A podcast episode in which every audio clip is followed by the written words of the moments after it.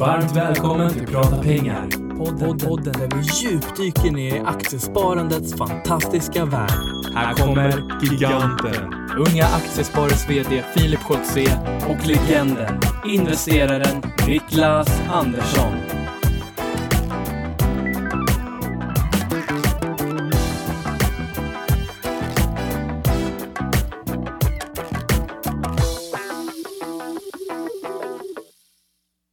Då säger vi eh, äntligen måndag och varmt välkomna till eh, podden Prata pengar. Eh, Niklas, jag försökte att inte få så, så starka pen på det här Prata pengar. Patrik tjatar alltid på mig om att det är, eh, de är så hårda. Ja, jag tycker du får börja köra inledningen på något annat språk snart. Ja, hur gör man då? då? Nej, jag vet inte, men ta något språk, om jag får välja språk. Ja, Ehm, nästa år så vill jag att du kör inledningen på swahili. på swahili. Vem ska lära mig det då? Ja, med Google Translate. Ja, du tänker så. Ja, just det. Det finns ju ljud på den också, så man får Ja. höra hur det faktiskt låter. Du, vad roligt. Vi har eh, avsnitt 51. Vi börjar närma oss eh, ettårsjubileet här nu.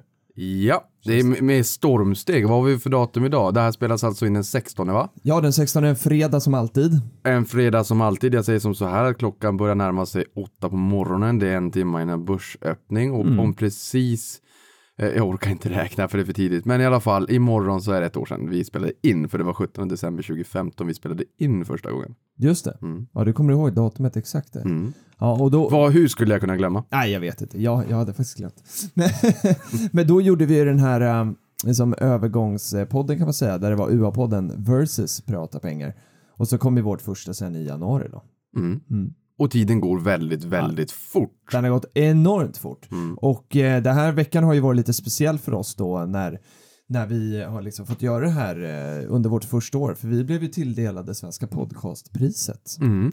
Och det är ju otroligt roligt. Svenska podcastpriset i eh, eh, segmentet eller kategorin ekonomi och näringsliv. Och det här är ju någonting som vi blir otroligt glada av just bara för att det visar att det vi faktiskt gör här uppskattas.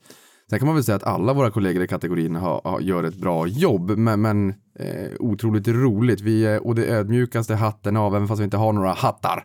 Men för hundra år sedan kanske vi hade haft det. Ja men verkligen, vi måste rikta ett eh, stort tack till alla lyssnare som har röstat på oss. Vi fick ju, vad var det, näst, eh, 1400... 76. Ja, Jack, du kan det här med siffror alltså. Eh, antalet eh, röster då i den här finalomgången, så det är vi jättetacksamma för. Så stort tack till er alla. Eh, och nu var det någon på kontoret här som frågade mig, eh, det var Johan var det, hur ska ni toppa det här eh, nästa år då? Om ni har liksom vunnit det här priset första året som ni kör podden, hur ska man toppa det här till nästa år? Ja, det är en bra fråga. Jag måste börja med att backa att det var 1470 till 1476. Jag, jag skarvade med sex röster. Eh, nej, men vad, vad, vad säger du? Nej, Jag vet inte. Jag sa till Johan spontant, ja, men då får vi bli årets podd nästa år.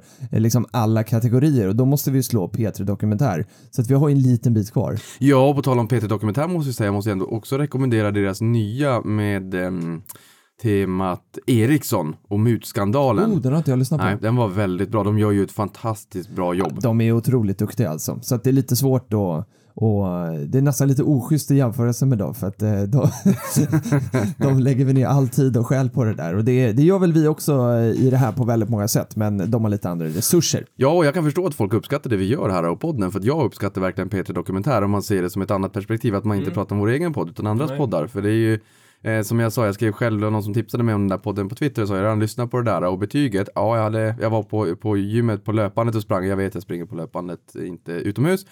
Eh, tyvärr för att det är lite lättare. Och då sa jag betyget var att jag hade kunnat springa en idag för att den var väldigt intressant. Och jag glömde bort själva träningen när jag, när jag lyssnade på det där. Och det var ena eh, den jäkla svängar i bolaget alltså.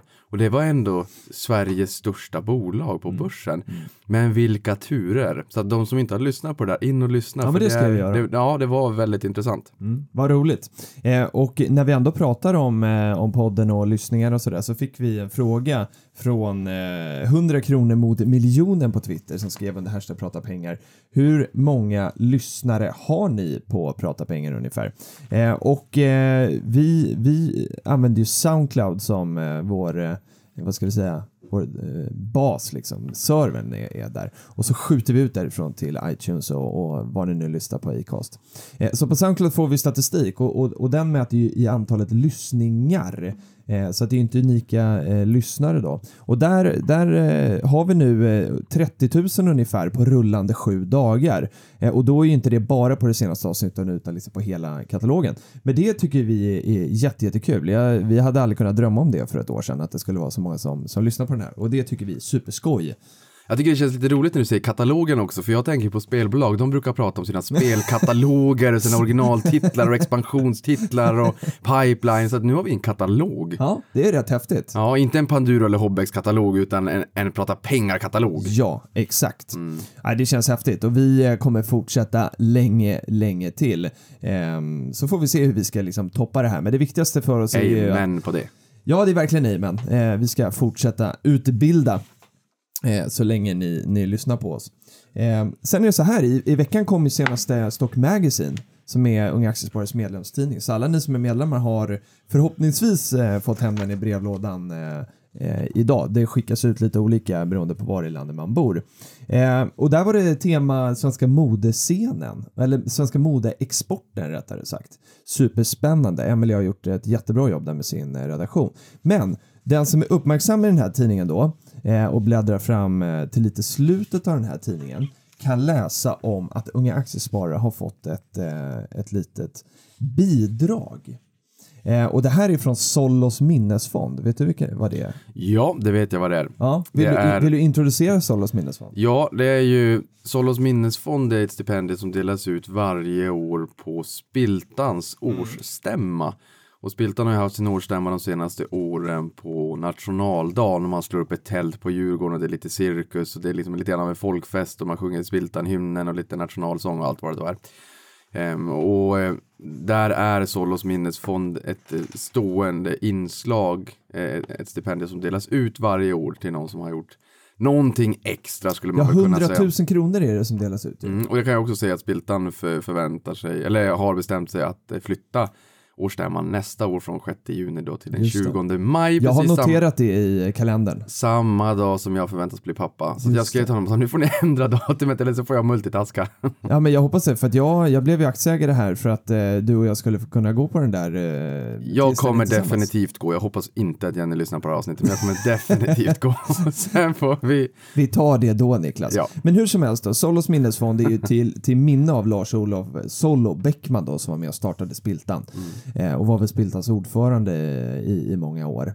Ja, och de Spiltan grundade de ju någonstans nere i Linköping också under studietiden och sen så hette de ju Galten. Mhm. Ehm, men, och sen skulle de flytta upp till Stockholm och de vill ju fortfarande ha kvar sina bondiga ursprung. Att Okej. tolkas mer som bönder snarare än en stekare på, på Östermalm så att säga och då ville de ha något bondigt namn. Men det här med galten gick väl inte riktigt hem och då ändrade man till Spiltan. Det Okej. roliga är att under den tiden så fanns det, jag tror att det var förknippat med, med Östermalm, jag är ju lite osäker på vilket område det var i Stockholm, men då fanns det en liga, ett gäng, det låter som Jönssonliga, på den tiden var det inte lika hårt och galet som vad det är idag, tyvärr. Eh, Så är det lite stökigt ibland runt om i Sverige. Men, men eh, det fanns ett Spiltan-gäng och de var man lite rädda för. Så Jaha. folk än idag som är lite äldre kan, kan ställa frågan till Spiltan, liksom, har ni någon koppling till Spiltan-gänget? Lite Bandidos eller Hells Angels? Men det Jaha, har de ju okej. inte. Ja, det var nog, det var några riktiga värstingar alltså. Ja, det var nog gangsters. ja, vi hoppas att det inte är det. Nej, det är det inte. Hur som helst då. Eh, Solos minnesfond då eh, Eh, är ju då till, till minne av Lars-Olof här som, som är tragiskt gick bort och då eh, satte man in pengar till eh, den här eh, minnesfonden och de förvaltas ju av Spiltan. Och då är det så här att eh, Spiltan har ju gått eh, ganska bra och de här liksom, pengarna i den här minnesfonden har växt. Så att Solos minnesfond och Spiltan, alltså Investment AB Spiltan då, eh, har bestämt sig för att dela ut 100 000 kronor extra i ett resestipendium till unga aktiesparare. Och det här, jag fick ett samtal från Per Börjesson då och som, som berättade det här för mig. Jag höll på att ramla av stolen. Eh, och det som är, är det som de vill då här, det är att Eh, De vill ge oss det här resestipendiet så att vi ska kunna skicka en handfull medlemmar till, vad tror du? Dun, dun, dun. Warren Buffetts bolag Berkshire Hathaway stämma i Omaha, Nebraska i maj 2017. Hur kul låter inte det Niklas? Extremt roligt. inte det superhäftigt? Ja, men det är du har ju liksom varit med om den här upplevelsen. Ja, det där är ju superhäftigt. Jag var ju och besökte min lillebror då i, i Los Angeles förra året och skulle till eh, ordna den där resan till New York med unga aktiesparare. Som eh, det, det vi också, vi hade träffats innan du och jag, men, Ja. men, men där Det var liksom där vi bondade. fatta tycke och, och eh, jag sa att nej, men Los Angeles och det är ju västkusten och sen så skulle jag till New York östkusten och så sa jag bra, då bilar vi och sen så tar vi Berkshire Hathaways årsstämma däremellan. Som du kanske vet min kära vän så är jag ju lite tidsoptimist och Ja. jag kollade inte upp att det var 500 mil. så vi fick bila lite grann dygnet runt och köra i skift men vi stannade ju på, på årsstämman då. Och det roliga är att den där är ju enorm och det är massor av människor och det var den här gigantiska arenan och folk hade nästan eh, tältat, alltså kommit in jättetidigt och stått i kö. Det var massor av människor, demonstranter utanför och det var, det, det var och poliser och vi fick testa att sitta på polismotorcyklar också. Och jag insåg att vi hamnade längst bak i kön, det fanns inte en chans att vi skulle få komma in. Nej. Tills dess att när man då öppnade upp eh, portarna så hade vi kommit så långt bak på den här gigantiska arenan för kön gick runt hela byggnaden, det var tusentals människor.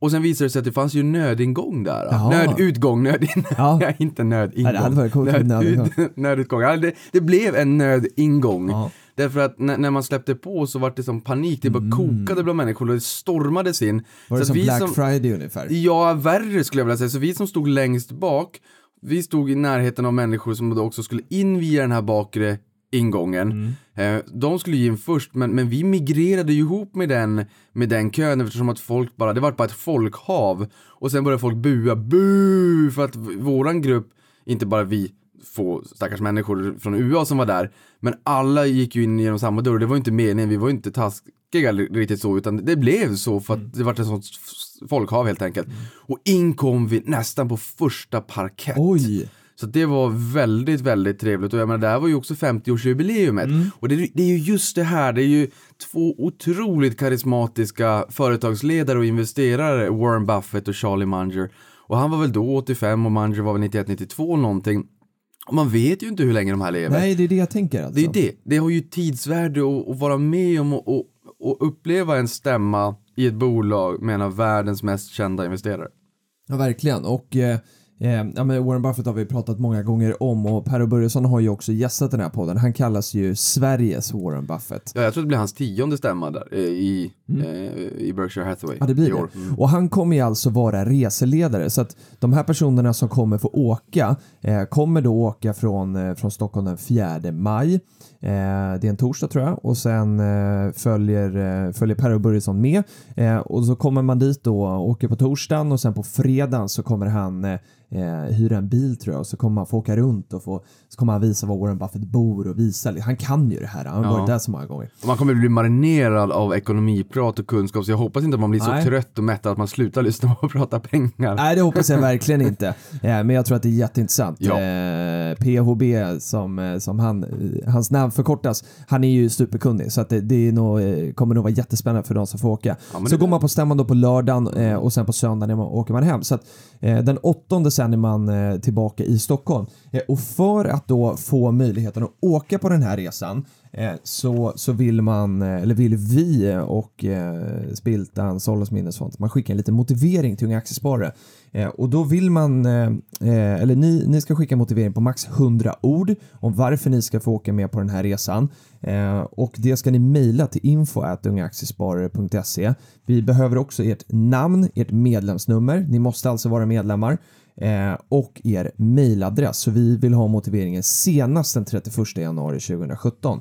Eh, och så kommer vi så snabbt som möjligt sen att att meddela vinnarna. Eh, och i den här resan så ingår ju både då liksom resa, logi och förtäring. Som, eh, som Spiltan och Solos minnesfond då ordnar. Så att eh, det här är ju, jag har nog inte greppat det här än att eh, Unga Aktiesparare får den här möjligheten. Nej, och jag tror att det där är ju, eller vet att det där är en väldigt fin upplevelse och kommer vara en fin upplevelse och det är väldigt snällt av dem att möjliggöra det här för ett, ett knippe ungdomar att faktiskt få, få uppleva Warren Buffett och Berkshire Hathaway. Eh, och i ett roligt sällskap inte minst.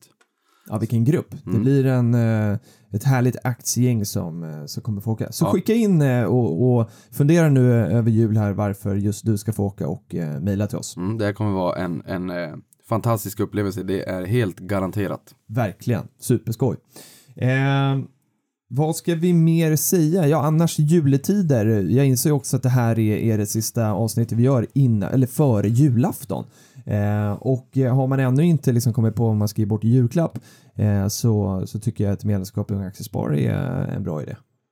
Ett medlemskap i Ung Aktiesparare och sen, sen om man vill krydda på det extra lite grann så kan man ju kanske ge bort någon aktie om man då vill. Ja, det skulle man Det kunna är ju lite bökigt som jag var in på tidigare. Ja, lite det är lite svårt men, men just det här att eh, skicka iväg, eller skicka iväg, men att Men ge, få en liten grundplåt. Ja, att ge en present till någonting som kan växa och bli mycket, mycket större. Mm. Det är ju som att ge bort ett litet frö och uppkommer en, en eh, gigantisk solros på 2,5 meter.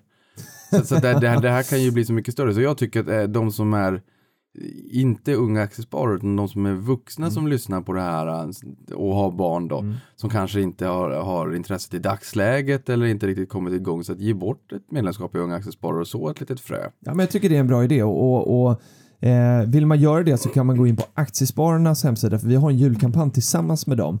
Eh, så för 275 kronor får man ett medlemskap i Unga Aktiesparare eh, och i den här julkampanjen då får man också välja en bok, en aktiebok som eh, som en liten julpremie. Eh, så gå in på aktiespararen.se så hittar ni det där. Och en liten halv julklapp till oss är ju också, kommer du ihåg Oskar som var 15 och inte riktigt fick Ja. öppna upp kontot för sin pappa? Ja, Vi har ju fått besked att pappa mjuknade ju. Vi har fått det. Mm. Superkul alltså.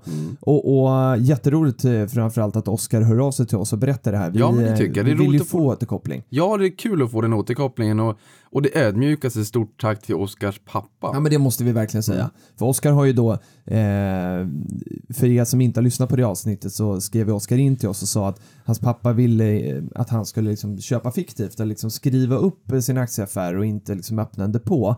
Eh, och vi tyckte ju någonstans att eh, nej men eh, låt grabben testa. Eh, det är inte så farligt och man behöver inte ha så mycket pengar för det finns ett värde i att faktiskt få testa på riktigt.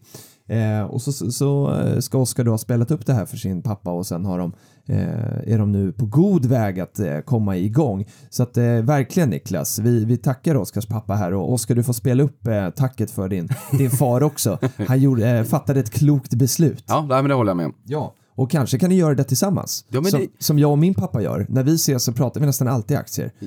Och Niklas och hans lilla investerare som kommer i, i, på, efter utdelningssäsongen nästa år, mitt barn, ska jag se till att valsa i aktiespararnas förlovade värld. Och just det att göra det tillsammans, för det, det kanske är så att Oskars pappa tycker att det här är dags, kul i dagsläget.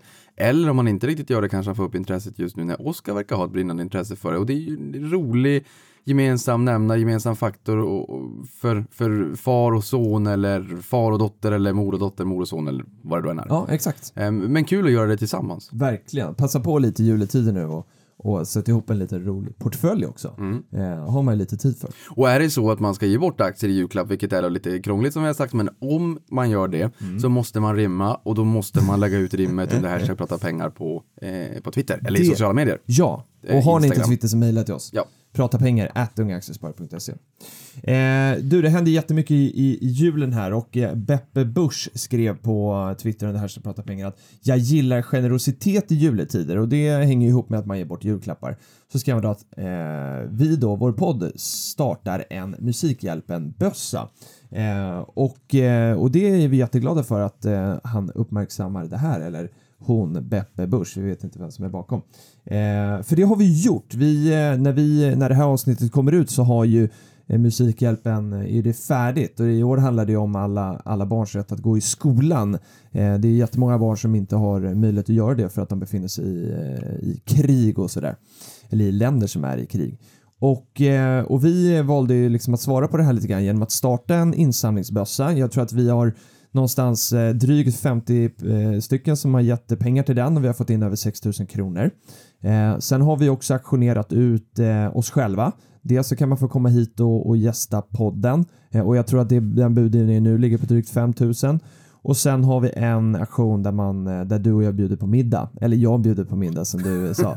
Eh, Nej då, det gör vi tillsammans. och 4 000 kronor kostar den. Vi får se vad det kostar eh, eller vad det blev då till slut när den här podden har kommit ut. Men jätte, jätteroligt ändå att vi till idag har samlat in en 15 000 ungefär. Ja, men det ska jag nog, nu skarvar du nog ner, vi har nästan dragit in 20 000. Ja, tj- ja, okej. Ehm, och, och det där är ju väldigt roligt att våra lyssnare faktiskt skänker en slang, slant till ett gott ändamål. Ja, jag tycker är och att man kan göra det via den här kanalen. Så det, mm, jag, jag gillar det.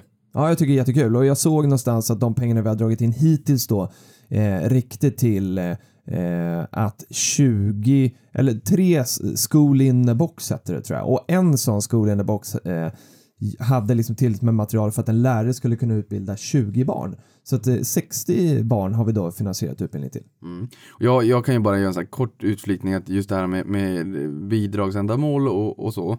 Ehm, det, det finns ju sådana här 90-konton i Sverige och det, vill ju se till att den största delen av slanten ska gå till, till det ändamål man skänker pengarna till. Ja, det finns lite olika kriterier. I USA tror jag att det finns någon regel som säger att minst 8% av pengarna man skänker ska gå till själva, själva ändamålet. Minst och resten, åtta? Ja, jag vet. Det är en Oj. extremt låg siffra.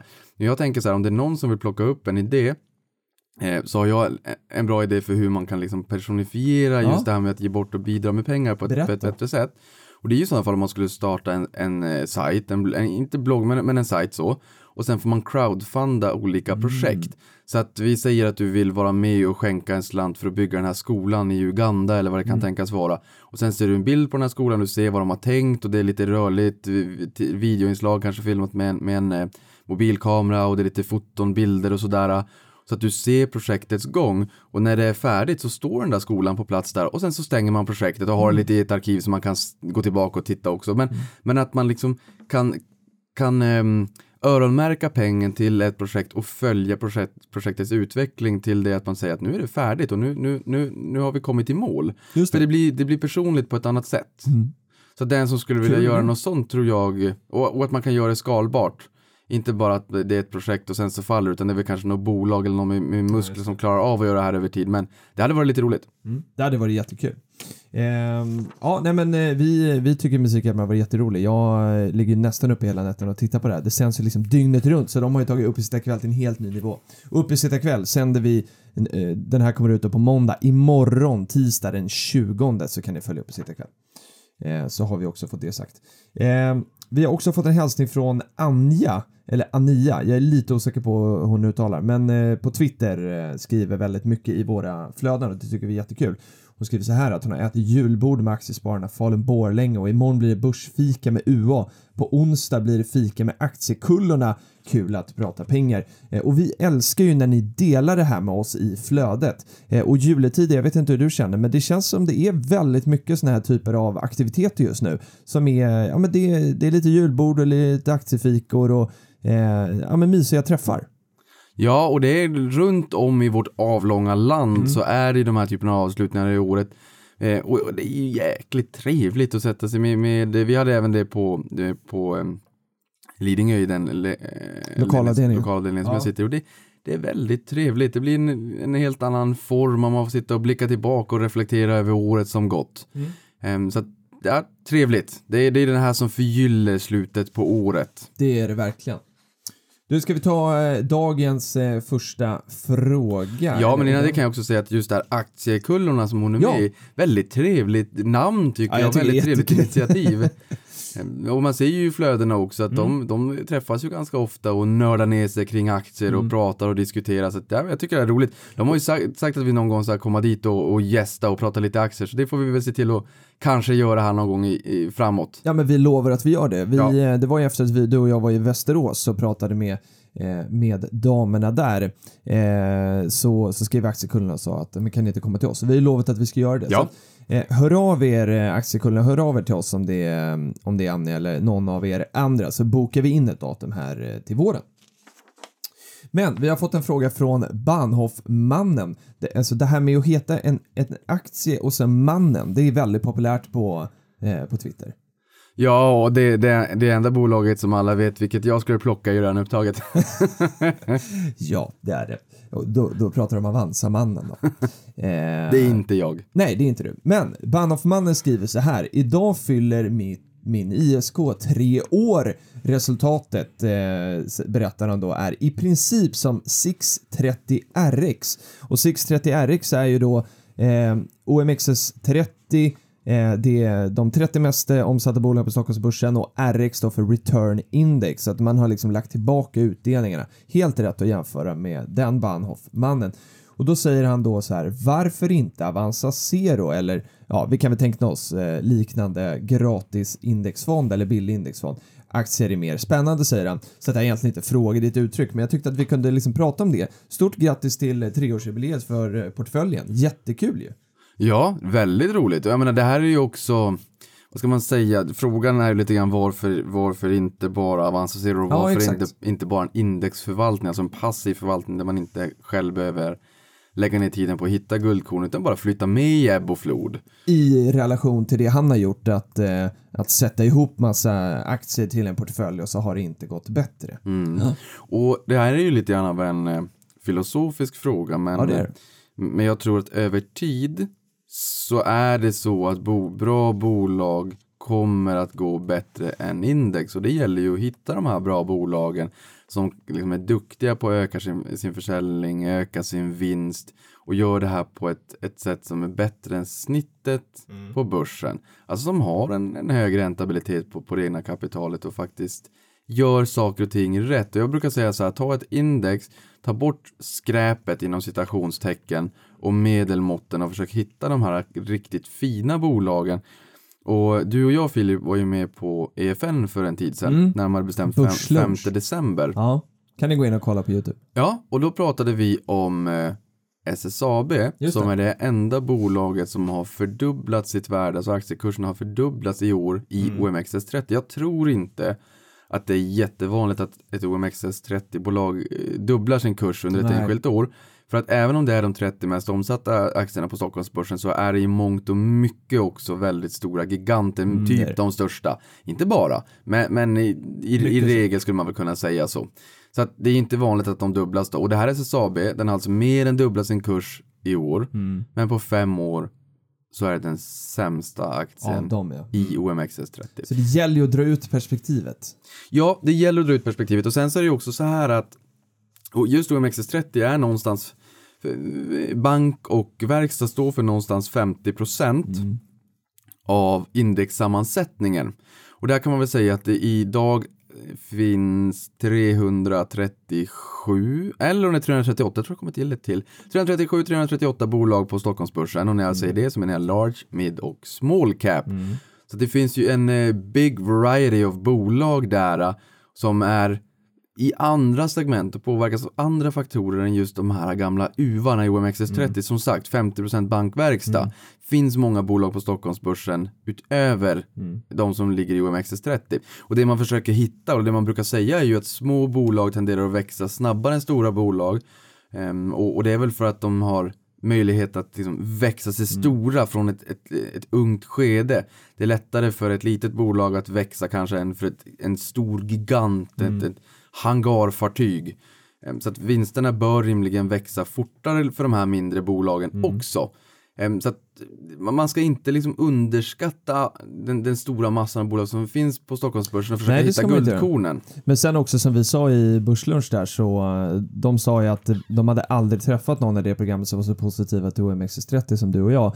Och det handlar ju inte bara om kanske om liksom utvecklingen utan också eh, liksom vilka bolag man väljer. För att någonstans så är ju vi har sagt eh, förut att de är lite mer självspelande pianon liksom och lite beroende på vad man vill lägga sin ambitionsnivå hur mycket tid man vill lägga ner. För det är klart att Ja, här finns det också eh, många som tycker olika, men jag upplever i alla fall att om jag köper ett mindre bolag eh, så, så kräver det ännu lite mer tid för att de har kanske inte en beprövad affärsmodell i jämförelse med, liksom, men ta Atlas Copco då på, eh, som finns i OMXS30 som är ett av Sveriges absolut största bolag.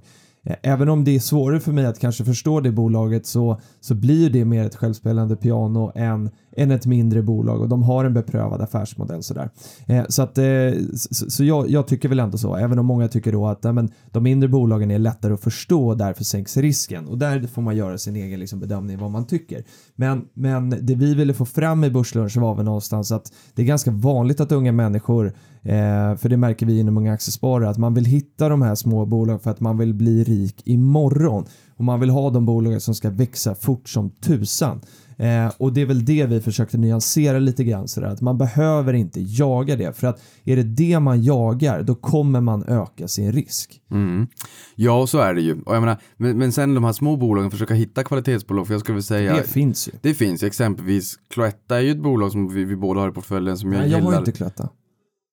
Ja, det har jag sagt förut Niklas. Har du, har du sålt den? Ja, men jag rensade i somras så då åkte godiset ut. Jag rensade ut både snuset och sockret. nu, blir, nu försöker han bli nyttig. Inte genom att dumpa godiset på riktigt utan genom att trycka ut i portföljen och så här. Ja, något Ibland fake. måste man välja bort. Ja, något, syntetiskt sätt att säga att man har blivit nyttig och sluta med godis genom att trycka ut i portföljen snarare än att sluta äta godis. Det är inte så det funkar Filip. Du har helt rätt för jag sitter faktiskt och äter lite eh, Cloetta, så här skumtomtar och grejer har vi här på jobbet.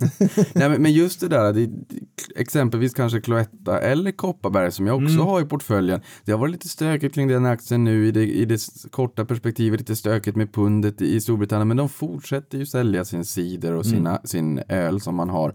Cloetta fortsätter att sälja godis, så det finns ju kvalitetsbolag som ändå är ganska där risken borde vara någorlunda låg i småbolag. Så jag brukar säga att försök hitta dvärgarna av de här f- sto- fina kvalitetsbolagen som inte har hunnit växa sig stora ännu. mm. Men sen som vi sa i Börslunch att, att stora bolag behöver inte alls vara Nej. tråkiga. Verkligen inte. Eh, och viktigt bland stora bolag också att man tittar på totalavkastningen Mm. för att det är ju vanligare kanske att, man, att bolagen delar ut lite mera vinst än när de Ja. är i lite mer moget skede.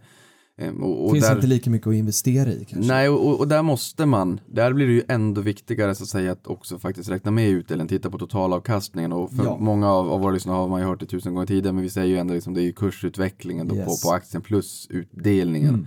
Och det är därför man vill jämföra med de här utdelande indexerna som, som eh, Ban Money gjorde här med return index. Mm, precis. Men jag håller helt med Ban Money för att eh, jag, jag resonerar likadant att ja, men över tid, ja det kanske är så att, att eh, eh, man, man ligger och, och eh, liksom utvecklas som index. Men att man då har valt att, att använda eh, liksom en aktieportfölj istället. Och det är ju inte fel för det är ju precis som, som Banhoffmannen säger här att, att, att handla i aktier eh, enskilt då för att de här fonderna har ju också aktier. Eh, det är ju lite roligare så tycker man att det är kul så, så, så gör det. Eh, och liksom, så länge man är långsiktigt så kommer, så kommer det nog, eh, så, och så länge man går minst som index så kan man väl vara ganska nöjd. Ja, och vi får nästan utveckla det här i en kommande podd just med vad ett kvalitetsbolag är och hur man hittar det. Men det Vi gäller har ju ju... gjort det lite tidigare men vi ska absolut återkomma till det för att det, man kan aldrig utbilda i det för mycket. Nej, Och sen är det inte så att du och jag sitter på, på facit Nej. utan vi kan ju bara berätta hur vi tycker att ett kvalitetsbolag ser men, ut. men, men vi måste försöka någonstans att utveckla den heliga graalen och det är Mm. ju så här kortfattat, vi ska inte snöa in på det, fastna på det här just nu, men det är just att hitta bolagen som ökar sin försäljning, som ökar sin vinst, där marginalerna är stabila eller kanske stigande. För att det är klart att du kan ju fördubbla din omsättning på i hur enkelt som helst genom att dumpa priserna. Så att vinsten och marginalen måste ju hänga med. Och sen att man har lite utdelningstillväxt, att man har bra management, man har bra folk i bolaget. Så det finns ett antal parametrar. Ja, det jag tror, det. det här med aktier är inte så svårt. Nej, det är inte det. Det är snarare det svåra är ju psykologin och att, att Yes. spåkulan ska stämma. Men det är inte så svårt och det är mycket människor, det är mycket psykologi. Man måste, börspsykologi är ju något som är väldigt, väldigt intressant. Ja. Och jag- ska, ska vi ta ett exempel Börse? Eller fortsätt. Jag, jag, jag, intervjuade ett antal förvaltare här eh, i Avanza Play för, för några dagar sedan och en av de här förvaltarna var ju Henrik Didner. Mm. Och då kan jag också säga, man brukar säga Didner och Gerge, Ja. det, det heter Didner och Gerge. Okej. Jag har Ehm. alltid sagt Gerge. Jag tror jag till och med rättat någon och sagt att det är Gerge. Men då får du rätta mig här idag. Ja, Didner och Gerge är det. Och eh, han såg, jag frågade dig att jag får mig ju helt kring huvudet här om, om det är så att jag inte skulle fråga vad det hemliga framgångsreceptet är. Mm. Vi alltså gjorde då tv-inslag här då. Mm. Och han sa det, men det- är enkelt, bara göra det enkelt, förstå Mm. verksamheten, hitta bra bolag, håll sig, att man liksom ska hålla sig till den röda tråden och bara Mm. fortsätta göra det. Oavsett när börsen är het eller iskall, liksom gör det man tror på, gör det man har sagt, hitta bolagen, förstå vad de gör. Ja, och det är det jag tror att eh, när, för jag kan tänka, när du säger så här, men det, det är så enkelt, det är bara att hitta de här bra bolagen och så där. Så kan man ändå då kanske sitta och känna då att, men jag vet inte vad ett bra bolag är och vi, vi försöker ge dem nycklarna och vi kommer göra det liksom igen. Men det är, alltså för mig så är ju då ett bra bolag, om vi liksom bara ska ta det lite, lite kort, alltså ja, det jag vill skicka med är att så här, men våga lyssna på dina egna känslor och vad din egen, liksom, eh, dina egna tankar är kring ett bra bolag. Om du bara fritt på ett papper skulle få svara på en fråga, vad är ett bra bolag? Ja, om man då, då kanske man bara kluddar ner att ja, men om jag ska köpa ett eh, ett eh, konsumtionsbolag som har butiker så vill jag att det ska vara mycket folk i butikerna. Jag vill att de ska ha en hög försäljning och eh, att de ska tjäna bra pengar på det de gör. Bara där har man kommit väldigt, väldigt långt. Och i mitt fall så vill jag också ha en, en ägare som jag känner till och som har en stor stek i bolaget. Vi tittar på Interim Justitia nu där det har varit ganska stökigt för det finns ju ingen Eh, det finns ju ingen rejäl ägare med kött och blod utan det är ju fondbolag och institutioner som äger. Ja, det är Eh, styrelseproffs. ja, det är styrelseproffs och tjänstemän så.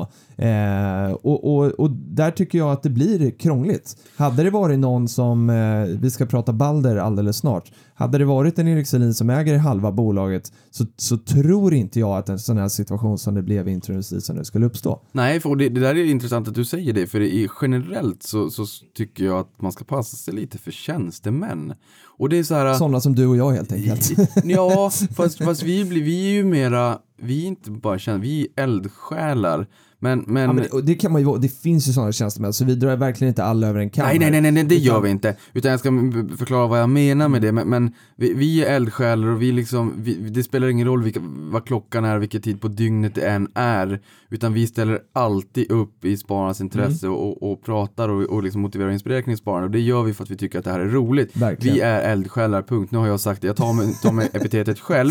Men, men just det här med tjänstemän, det jag menar är att man, man bara jobbar för lönen och sen så bryr man sig inte om bolaget. Nu är det här en väldigt tråkig, ett tråkigt sätt att förklara det på och det, så är det förmodligen alla är absolut inte så. Nej, och det, det finns inte, ju jättemånga finns. som, som har eh, liksom en, en stek som du brukar säga i bolaget, alltså att man, att man faktiskt äger aktier så att, man, så att ens liksom privatekonomi som tjänsteman påverkas av hur bolaget går. Eh, och vi gillar ju det där som kallas pilotskolan och, och därför så eh, söker vi båda när vi ska titta på innehav att vi vill se att det finns en ägare bakom som är stor och stabil. För, att, för det, det minskar också risken för att det ska uppstå liksom, konflikter och att det ska eh, liksom, hända sådana här stökigheter som, som det blev nu i intron till exempel. Ja, och ska man, liksom, ska man raljera, säg att man får sitt första jobb om man kanske sitter och jobbar på ett eh, callcenter så kommer man inte ha samma lojalitet till bolaget som om det vore ett eh, familjeföretag.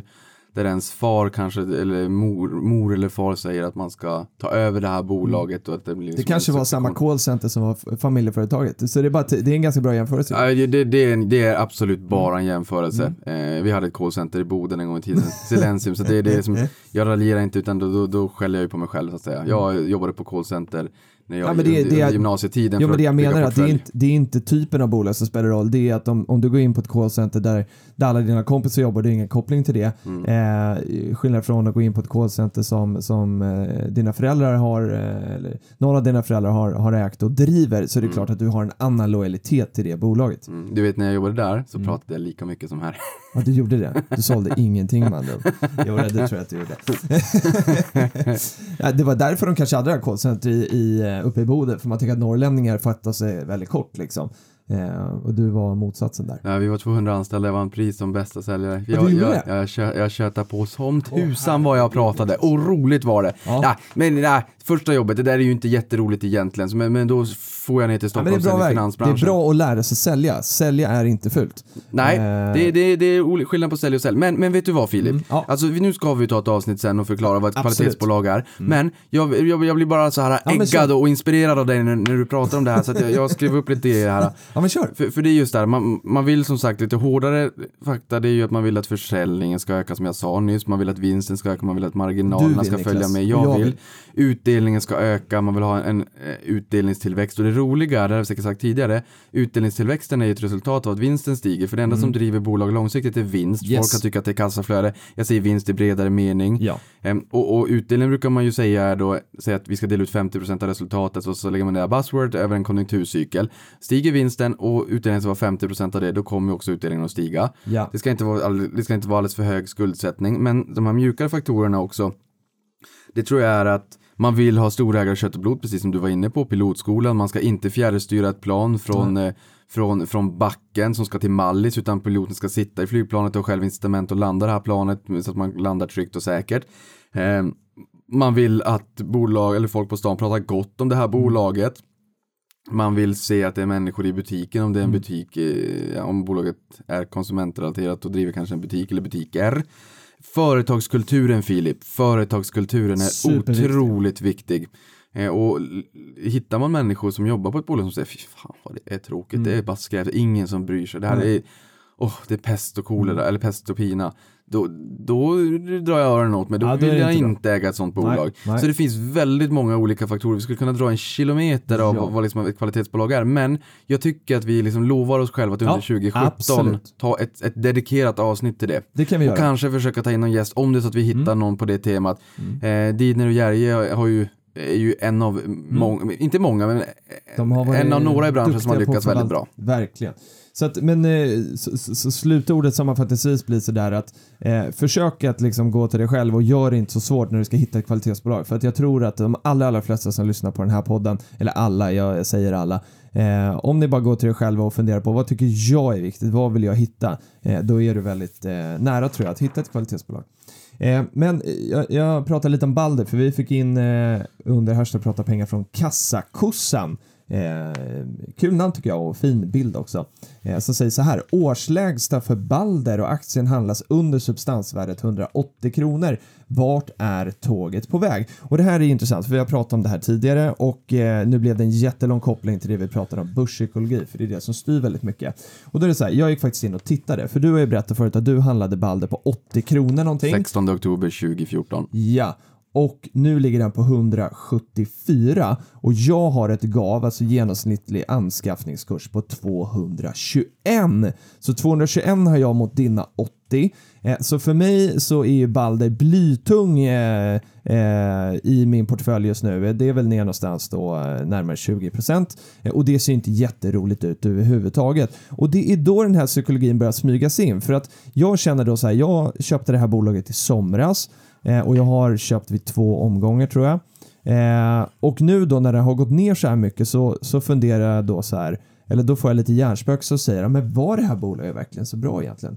Fattade du rätt beslut nu Philip som, som valde att köpa Balder? Och så tänker jag då så här, och här har jag också fått lite hjälp av mina kollegor i mina terapisessioner när jag, eh, när jag eh, pratar om det här. Och så säger de så här till mig att ja, men Filip, tänk om bolaget hade gått upp med 20%, vad hade du känt då? då? Ja, men då hade jag ju tänkt så här, fasen, jag hade ju rätt. Det här var ju helt rätt att köpa det här bolaget och så har det bara gått ett halvår. Så att eh, även eh, jag då som sitter och lär ut det hela tiden har ju också de här hjärnspökena som, eh, som brottas med mig och det ska man komma ihåg. Eh, så att jag har ju liksom landat i då och sådär, men tror jag att eh, Erik Selin och det som Balder gör kommer vara lyckosamt framöver. Ja, men jag tror ändå det och jag, jag gillar ju Erik Selin och jag tycker att han föregår med enormt gott exempel som ett sånt här stort bolag eh, faktiskt har en, eh, en så stor andel ägande eh, och han är också relativt eh, ung till skillnad från många av de här som eh, som, som är de stora ägarna på börsen som, som är 20-30 år äldre än vad han är.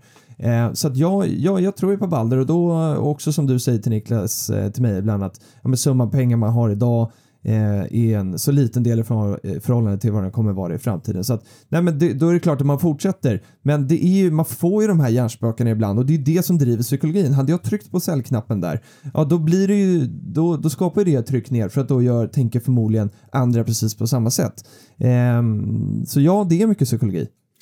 Ja men det är ju det, och det är ju det där. Det är alltså börsen är psykologi, så är det bara. För att förstå börsen, det var som jag sa, börsen och aktier är busenkelt. Det, det svåra är ju psykologin och att man ska ha rätt i spåkulan så att säga. Men, och vi har väl sagt tidigare också att börsen är som tar de här onda magkänslorna som du får och sen så gångrar det med en miljon eller flera miljoner så har du börsen. Exakt. Det är människor. Och jag tycker att eh, Micke Syding som gästade förra veckan, han sa en väldigt bra grej där. Att när man tror, eller när man känner sig stressad och man liksom vill göra någonting lite i panik, då ska man gå ut och ta ett eh, varv runt kvarteret. Och det tycker jag var en, ett jättebra tips. Eh, för när jag, om jag då gör det eh, mentalt och går ett varv runt kvarteret så, så, så, så inser jag att nej, men jag ska behålla valv. Så du menar att du tar inte ens det steget och faktiskt går ut och går? Du har, nu, nu har du liksom fimpat dina Cloetta, liksom det där har blivit nyttigt, men då får du gå ut och röra på dig också. Ja, men det gör jag. Jag spelar väldigt mycket squash. Ja, och just det här med, med squash är roligt. Just det här med psy- psykologin är, ehm, är väldigt intressant och jag har ju sånt där mantra för mig själv som man kan tycka, "Ah, ja, ja men okej, det är ord. Men det är väldigt, väldigt bra. Och det är köp när det gör som ondast. Ja, För att jag sparar löpande. Men, men det, min trygghet när det kommer till en, en börs som skakar. Det är ju att jag har valt bolag jag tror på. Och är det så att bolagen eller börsen skakar. Jag gillade bolaget igår, jag gillar det och jag kommer gilla det imorgon. Därför köper jag mer. ja, Och just fastighetsbolagen är ju lite grann intressant för att fastighet, Carnegies fastighetsindex är väl ner 20 procent. Jag vet inte exakt till, det dagsdatum. Men är ner, var ner ungefär 20 procent från september, oktober då. För att eh, långräntan har börjat smyga sig uppåt dåligt för fastigheter. Sen ska man också komma ihåg att många av de här fastighetsbolagen har förmodligen eh, räntesäkrat i många, många år. Så jag tror inte att de påverkas i samma Nej. utsträckning som man då tror. Nej. Eh, samtidigt som en stigande ränta är positivt för banker Mm. och bankerna har gått jättebra och fastighetsaktierna har gått jättedåligt. Och frågan är ju så här, okej, vi har en stigande ränta som Mm. är positiv för bankerna och negativt för, för fastigheter. Men är det så att de här d- vad ska man säga, upp och nedgångarna har gått så långt att det reverseras lite, Mm. att fastigheterna kanske går upp lite för att det har gått ner väldigt mycket. Och vice versa.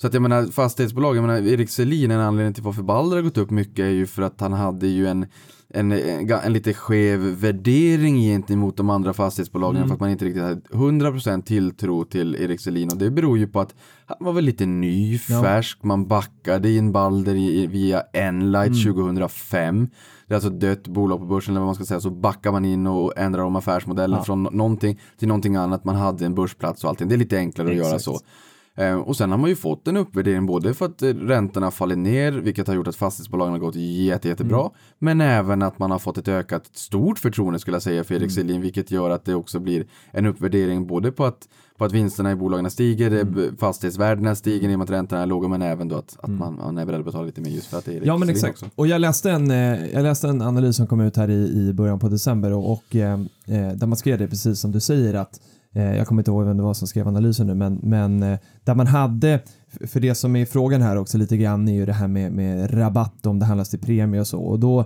då är det väl att man liksom räknar fram att i och med att det är ett fastighetsbolag finns det ganska reala värden och då kan man liksom Eh, då kan man sätta aktiekursen i förhållande och se, eh, är det så att eh, bolaget handlas till en, till rab- en rabatt, alltså att aktiekursen är lägre än vad du faktiskt får eller är det till en premie? Och att Balder då hade handlats till en ganska kraftig rabatt under finanskrisen eh, av just den här eh, anledningen som, som du säger. Och också att Balder har, eh, har varit ganska offensiva. De, de är jobbar lite på ett annat sätt än många andra fastighetsbolag. Många fastighetsbolag är ganska koncentrerade både i typen av fastighet, eh, att man kanske väljer bostäder eller kommersiella fastigheter eller handel eller vad man nu har. Eh, och också att man koncentrerar regionerna. Och här sticker ju Balder ut, för Balder har ju ta mig tusan det mesta. Eh, både bostäder och kommersiella fastigheter och sådär. Och man ökar Och- upp lite på bostäderna också. Och man har ökat upp och, eh, och man har dessutom spridit i regionerna jätte, jättemycket. Så att ja, det finns en koncentration i framförallt eh, Stockholm, Göteborg men också Helsingfors nu som jag tror är den största geografiska regionen nu. Eh, så att, så att det är ett, det, de gör det lite annorlunda. Ja, en spännande grej också är där att man, eh, man inte har en utdelning utan eh, Erik Nej, Selin har ju precis. näsa för affärer och han vill ju sätta pengarna i arbete snarare än dela ut dem. Och det där tror jag också är någonting eh, som om om det blir lite stökigt på marknaden och, och investerare handlar på känsla och magont snarare än rationalen så kan det vara något som gör att den faller ner lite extra just för att man inte har den här naturliga krockkudden. Exakt. Folk brukar ju titta på, men faller aktiekursen så stiger ju yielden eller så stiger ju direktavkastningen.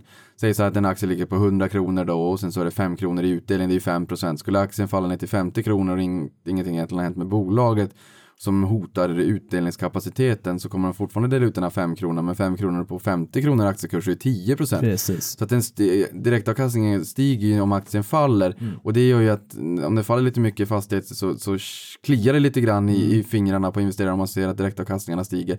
Det ser man ju inte i Balder på samma sätt i och med att de Ja, inte man delar ut. det. Nej, det är precis så.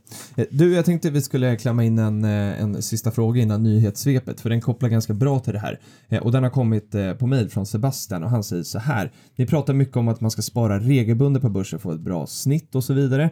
Det jag funderar på är nu när det pratats och spekuleras det senaste halvåret att det bör komma en ganska rejäl nedgång inom den närmaste tiden. Bör jag försöka invänta den eller ska jag starta direkt att regelbundet spara varje månad även om det är en stor risk för möjlig stor nedgång och hur ser ni på detta? Och så säger han vidare då så här, om, om, börs, om börsen går plus i år så har den gjort det fem år i rad och det har inte hänt på 20 år, vilket jag tar som en ganska bra signal på att börsen kan vara på gång ner framöver. Vad säger vi om det? Ja, men där skulle man väl kunna säga att för det första, eh, precis som jag gillar Anticimex och vill ha in dem på börsen för att eh, bad bugs don't read the Wall Street Journal så tittar inte börsen, börsen fattar inte eh, vad, ett börs, vad ett kalenderår är. Det är inte så att börsen som väsen tittar, aha, nu är det ett nytt år och nu ska vi gå upp si och så här. Börsen rör sig ju upp och ner hela tiden och det ska jag banne med säga att Det gör den. Ja, det gör den. Nej, men, men alltså att börsen, att det har varit rörelser över 10 procent intraår har vi sett vid flera tillfällen det här året. Alltså jag gjorde så här att jag tog eh, OMXS30-indexet och ehm, Ehm, räknade på varenda upp och nedgång, inte varenda dag sådär, men, men när man såg att det var en liten upp och nedgång på, på indexet under det här året och räknade procent på varenda rörelse så att säga i år och tittade hur, hur stor uppgång är det och hur stor nedgång är det. Och som sagt, över 10% det är en handfull i år. Plus minus 10%. Det är Plus minus 5% och därutöver är det väldigt många tillfällen. Och det här kan vi gå in på lite senare, vi behöver inte nu då. Men det gick ju ner väldigt mycket till 21 januari, sen så stabiliserade sig lite grann så fortsatte det ner till 11 februari. Sen gick det upp 14,8% till 14, 14 och 15 mars. Eh, Och sen så har vi hå- hållit på så där hela året. Börsen föll ner 8,42 på- vid Brexit, vi fick två dagars nedgång. Eh, vi åkte ner, eh, nu ska vi se, minus 3,6 procent veckan före presidentvalet och sen 3,5 procent till den dagen för att sen sluta på plus.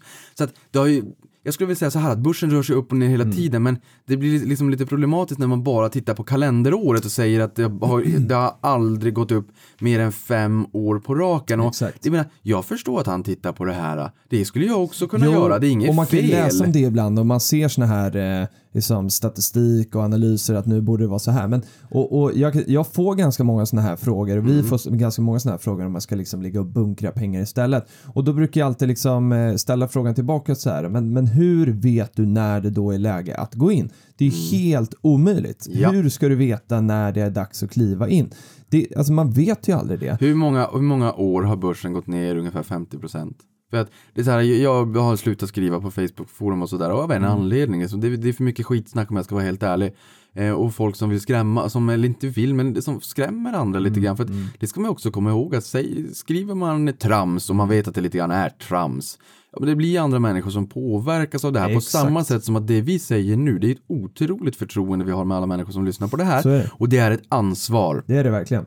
Eftersom att det vi säger också går in och sätter sig hos folk. Och det vill jag säga, som sagt, vet du hur många gånger det har fallit 50%? Nej, det är Eller nära på. väldigt få. Två gånger Mm. de senaste hundra åren. Ett enskilt år. Mm. Sen kan man säga så här att både IT-kraschen och finanskrisen följde mer än 50%. Mm. Men senast finanskrisen var det 13 juli 2007 till 27, 27, Mm. eh, 27 28 oktober 2008. Så det var ju över två år. Och precis som du sa Filip, man vet aldrig Nej, när när det är läge. Nej. Så jag säger så här, köp aktier löpande hela tiden. Är du ung, tacka tusan. Det är bara att tacka och ta emot om det kommer en krasch. Det är det bästa som kan hända. Nu säger jag en gång till, en krasch på marknaden är det absolut bästa som skulle kunna tänkas hända. Och vet du varför? Ja, för man har, Det är för att eh, allt åker ner. Allt åker ner, även kvalitet. Du vet, börsen var otroligt billig under finanskrisen. Otroligt billig Filip. Vi har ju sagt att nu, nu ska du få prata, jag ska inte fläcka ut mer än så här, men von Tobel sa ju att 77% av uppgången från 2009 är multipelexpansion. Nej, exakt. Inte konstigt att man är beredd att betala mer per vinstkrona Nej. för att den låg på P 8-9 och snittet är någonstans 14 och nu ligger vi på 16-17. Bara det är en fördubbling av, av börskursen, eller av, börs, eh, av börsen. Exakt. Så att säga liksom, du har gått upp så himla mycket sedan 2009, man kan inte räkna så. Nej. Det, för det var en kollaps, det var liksom värderingar som inte var rimliga och självklart om någonting faller 50% så ska Mm. det upp 100. Ja, lite så. så och, å andra sidan då så finns det säkert de som, som Micke Syding eh, i, i den här podden förra veckan tyckte att värderingarna som är nu inte heller är rimliga. Men då någonstans, om jag, jag väljer då för att liksom svara på Sebastians fråga, så att, nej men istället för att under finanskrisen eller som det ser ut idag sitta och behöva fundera över, är det nu läge? Så lägger jag det helt åt sidan utan liksom köper hela tiden istället. Och det är klart att om Sebastian här väljer att, att eh, bunkra upp pengar i kassan och så får vi en krasch här om ett halvår så är det klart att ja, då kommer han eh, köpa in sig på bättre nivåer än vad jag gör som har köpt under hela tiden. Men över tid så, så, så kommer inte det spela så stor roll för mig. Eh, för att det kommer, ja, men jag, jag tror att det kommer bli bra över tid i alla fall. Eh, och jag jagar inte de där liksom sista procenten eh, som man kanske då kan få ut om man lyckas tajma. För att jag tror inte att jag kommer lyckas tajma. Så där, det är liksom det enkla svaret. Det finns bolag också som har lyckats väldigt bra. Det kommer, I alla Ja. lägen finns det bra bolag. Det var väl Hexpol, deras utdelning idag är större än deras börsvärde 2008. det säger ju någonting. Och jag menar, vi, vi, en, en, ett medskick här också till de lyssnarna vi har. För att vi, kraften sitter ju i det många. Så att det man skulle kunna säga för att hjälpa varandra till att faktiskt inspirera just kring att det här är rätt sätt att tänka. Så skulle jag vilja säga så här, titta på era favoritbolag. På, och sen så tittar ni på kursutvecklingen sen oktober 2008. Och sen så tar ni den procentuella, det ser man säkert på Nordnet också, ser man på Avanza, man går in på aktien så ser man ju eh, kursutvecklingen då sen, sen under valperiod. Gå in på era favoritaktier, titta hur den har utvecklats sen oktober 2008 och sen så postar ni det under hashtag Ja, det kan vi pengar. göra. Ja, det vore jättekul Eh, att bara se det. Så jag, jag lovar att det kommer, det kommer vara intressant att se de siffrorna. Nu är det hög tid för nyhetssvepet. Fantastiskt vad trevligt. Då ska man väl kunna säga så här, jag har ett litet, litet nät, men ax, äh, ax och naggande gott ut, utdelningssvep, jag på att säga. Herregud, man tänker på för mycket annat. Jag tänker bara på utdelning. Det är snart utdelningssäsong dessutom. Ja. Federal Reserve höjde räntan med 25 punkter, 25 punkter, alltså 0,25 procentenheter. Kan man väl säga att när jag var på Azorerna i december 2015 så skulle jag hem den 17 december, börsen skakade då som alltid, det vet ni. Sen eh, var det 16 december och dagen innan så höjde Fed räntan för första gången på nio år. Det här blir ju då i, och- i och med höjningen igår, andra gången på tio år. Den var till, i mångt och mycket till i princip 100% diskonterad i marknaden och när vi säger diskonterad alltså marknaden liksom förväntat sig. Räknat in. räknat Ja. med det. Om du vet exakt vad du kommer få för julklapp och det är bara det att du till och med kanske sett den, ajabaja så får man inte göra, men om du har sett den eh, och sen så vet du att din partner eller förälder eller vad det än är, bara slår in den och sen så vet du vad det är. Jag menar, då är ju nyhetsvärdet är ju noll för du har redan Exakt. diskonterat, du vet ju vad du kommer få. Det var samma sak här då. Men man sa att man skulle höja räntan tre gånger nästa år och marknaden förväntar sig bara två, så det har varit lite skakigt. Man, oh, vad ser de som vi inte ser? I alla fall, det var det, var det, det, var det, det. Det var det det. Sen har vi en stor digitaliseringsvåg. Man, eh, så jag såg att ICA skulle öka capex. Och capex står för capital expenditures, eh, investeringar, kapitalinvesteringar. Eh, och den ökar de då med 40% nästa år. Det finns capex och, opex, operating expenditures och capex, eh, capital expenditures. Men, men man ökar den med, med 40% då nästa år i IT-system. Och med det så tänker jag så här att den stora digitaliseringsvågen, Filip, är nog bara i sin linda. Det tror jag De här också. stora enorma bolagen, jag menar, många av våra lyssnare jobbar säkert på bolag som har någon form av dator eller system Mm. Ja, kanske. Eh, De det- ska det- uppdateras. Ja, det är ju, de är ju stenålders och då ska vi inte prata storbank. Det är alltså, herregud. Och ni ska veta hur många tusen sidor som faxas på bankerna varje dag. Och det är så här Jajamän. 1800-talssystem. Du vet, SCB, hade den där COBOL-utvecklare som gick i pension, de hyr in pensionärer till svinhöga timpriser för att det är ingen annan som kan. Nej. språket. Det, det är så, så att, eh, med det sagt, så den stora digitaliseringsvågen har vi nog faktiskt framför oss. Det tror jag också. Eh, sen har vi Axfood som har lagt kontantbud på mat.se, ticker Mm. Matse. Och där var premien 119% faktiskt gentemot stängningskursen den 9 december. 7 december, 9 december, jag tror det var 9 Där december. någonstans. Ja, så det jädrans också, för jag tänkte ju så här att eh, nu nu blir det här jätte, det blir som ett till poddavsnitt det här. Men, men, jag, men jag tänker att onlineförsäljningen på, i- hos Ica och Axfood, Axfood är ju Hemköp, Willys, flera då. Den ligger ju kring 1% av försäljningen och omsättningen. Och det var ingen som riktigt trodde att det skulle vara ett svenskt bolag som skulle köpa det här som Nej. la budet. För här var det att det läckte ju ut information. Man såg Mm. kursen sticka. Sen handel stoppade den, handel stoppades aktien och sen så kröp man till kors och sa åh det kommer något, vi har något lite grann som vi ska gång." berätta. berätta.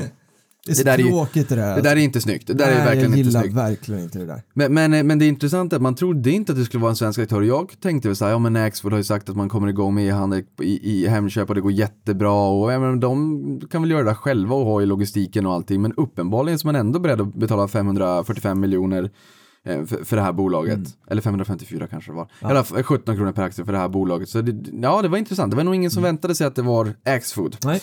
Volvo Cars ryktas om att de tar eh, vitala beslut i, på den här sidan om, om årsskiftet för att kanske på nästa sidan om årsskiftet eh, börsnoteras. Kan säga, det Ehm. kommer vara en julklapp till min kompis Björn som också var med på eh, New York-resan. Mm. Han pratar om Volvo jämt alltså. Då har vi kommit lite grann, ett steg närmare den här önskelistan, så här Volvo, Max Ja, och exakt. Ikea och Ja, men så jag hoppas verkligen för hans skull att Volvo Cars då kommer till börsen. Det hoppas vi i sådana fall. Jag håller båda tummarna för, för, för honom då och hoppas att så blir fallet. Intrum Justitia och Lindorf, det var Mm. lite stök där.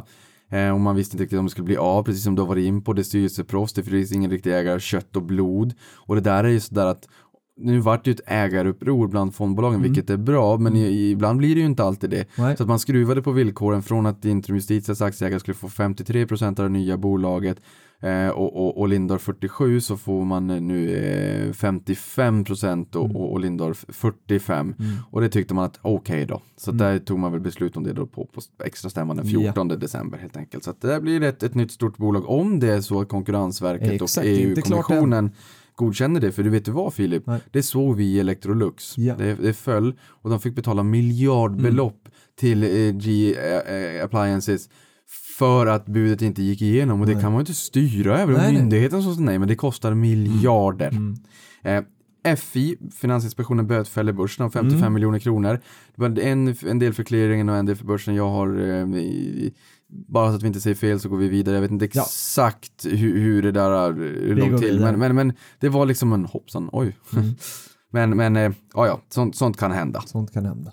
Eh, det ska väl också sägas att Nasdaq som eh, ingår i Investor, Mm. de förstod inte riktigt faktiskt varför de fick den där boten. Så att det var lite Okej. oklart. De, de höll inte med om, Nej. om, om, om det, liksom, att de tyckte inte att det var fair. Och Disneys Moana, det är någon ny film då, toppade Mm. Box Office. Jaha, Ehm, så att, och Disney höjde ju utdelningen 9,85% här för en tid sedan också. De ju- de, det tickar ja, på. Men det tickar på. Vi har den båda. Det, ska bli, det, är, det är lite extra kul att kolla Kalle Anka på julafton när man har Disney i portföljen tycker jag. Ja, folk brukar säga, ja men Disney, det är lite intressant och sådär. Man, man, man måste dra ut perspektivet och titta på en aktie över tid, bara för att folk är liksom lite rädda för cut the cord och att man inte vill ha liksom tre hål i väggen och, och abonnemang Mm. och allt det där. Det är ju inte det det handlar om, utan det är ju så content och sen så, så får man ju se till att ESPN och, och Sportkanalen, att den Exakt. flyger, att man Ja. hittar nya digitala plattformar med playtjänster och där. Men det är ju Kalle Anka och och, och Musse Pigg och allt det, är ju det som är det roliga och Ja. det kommer ju leva kvar alldeles oavsett. Sen har de också eh, eh, resorts, parks and resorts ungefär som Di- ja, Disneyland. Disneyland, ja. Och sen har de ju även kryssningsfartyg och så. Mm. Så det är lite, en liten eh, eh, trevlig mix i bolaget. Ja, men det är det.